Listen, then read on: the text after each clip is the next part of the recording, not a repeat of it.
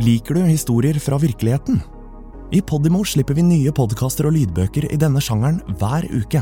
Dokumentarer, personlige historier og true crime. I denne spillelisten kan du høre et utvalg av våre mest populære titler. Podimo. Podkast og lydbøker i én og samme app. Onsdag 10. oktober 1979 var en uvanlig mild og fin høstdag i Stavanger. På høydedraget, litt ovenfor togstasjonen og Breiavatnet, satt folk på de hvitmalte trebenkene i sykehusparken og myste mot sola. I en av de røde teglsteinsbygningene kom en stor jente på 5310 gram til verden denne dagen. 30 år gamle Torunn Jørgensen kjente på morslykken der hun trakk den vesle datteren tett inntil seg i senga på fødeavdelingen. Halvannet år tidligere hadde hun fortalt barna sine, Ann Elin og Tor Ove på sju og ti år, at en lillesøster var på vei.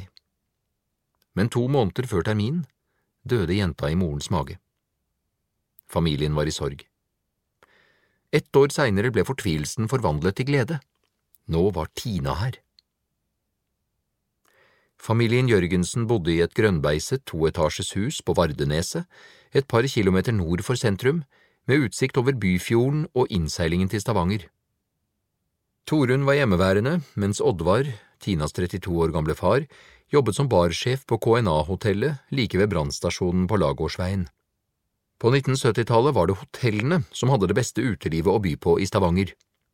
Til KNA dro folk fra hele byen for å spise på Grillen restaurant, og deretter ta seg noen drinker på den populære nattklubben Barbella Dancing i kjelleren, som kunne friste med levende musikk hver kveld. Kveldsjobbingen ble en livsstil for Oddvar. Han var utadvendt av vesen og elsket det sosiale livet i hotellbaren. Da Tina var ett år, flyttet familien en snau mil sørover til Hinna, ikke helt ulik bydelen de kom fra, med en blanding av eneboliger, rekkehus og lav blokkbebyggelse. Familien bosatte seg i en hvitmalt enebolig i rekke like nedenfor Hinnasvingene og det som hadde vært hovedveien sørover fra Stavanger i retning Sandnes, inntil den nye motorveien kom noen år tidligere. Fra kjøkkenvinduet, som vendte mot Gansfjorden, kunne familien Jørgensen skimte toppen på løftekranene borti Jåttåvågen et par hundre meter unna, hvor betongunderstellet til Statfjord B-plattformen reiste seg fra tørrdokken. Hei! Har du lyst til å høre mer som denne podkasten, men helt reklamefritt? Da vil jeg anbefale deg å laste ned Podimo-appen for en gratis prøveperiode.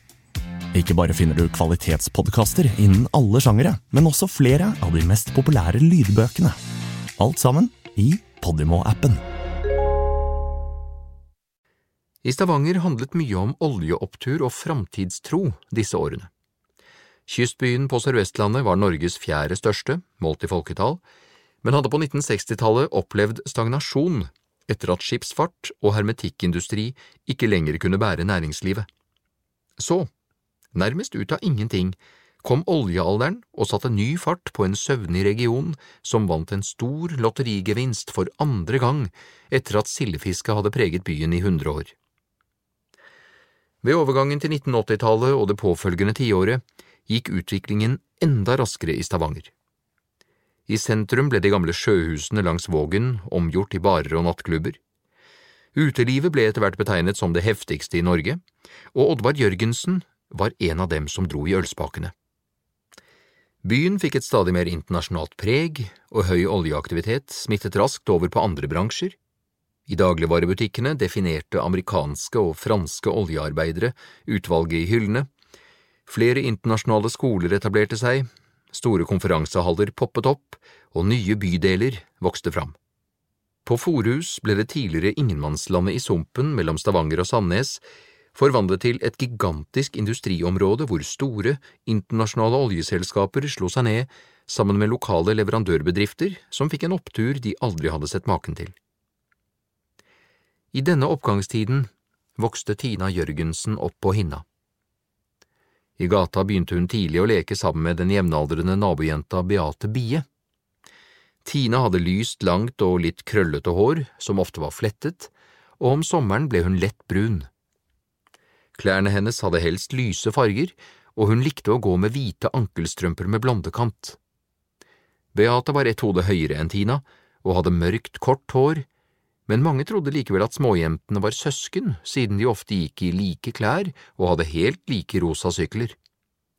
I helgene løp den som var først oppe om morgenen, over til den andre så fort de hadde kledd på seg. Men før klokka ni fikk ingen av dem ringe på. Det hadde foreldrene bestemt. Likte du denne episoden? Så del den, da vel. Fortell en venn hva du hører på, og gi følelsen av god lytting i gave til noen du bryr deg om.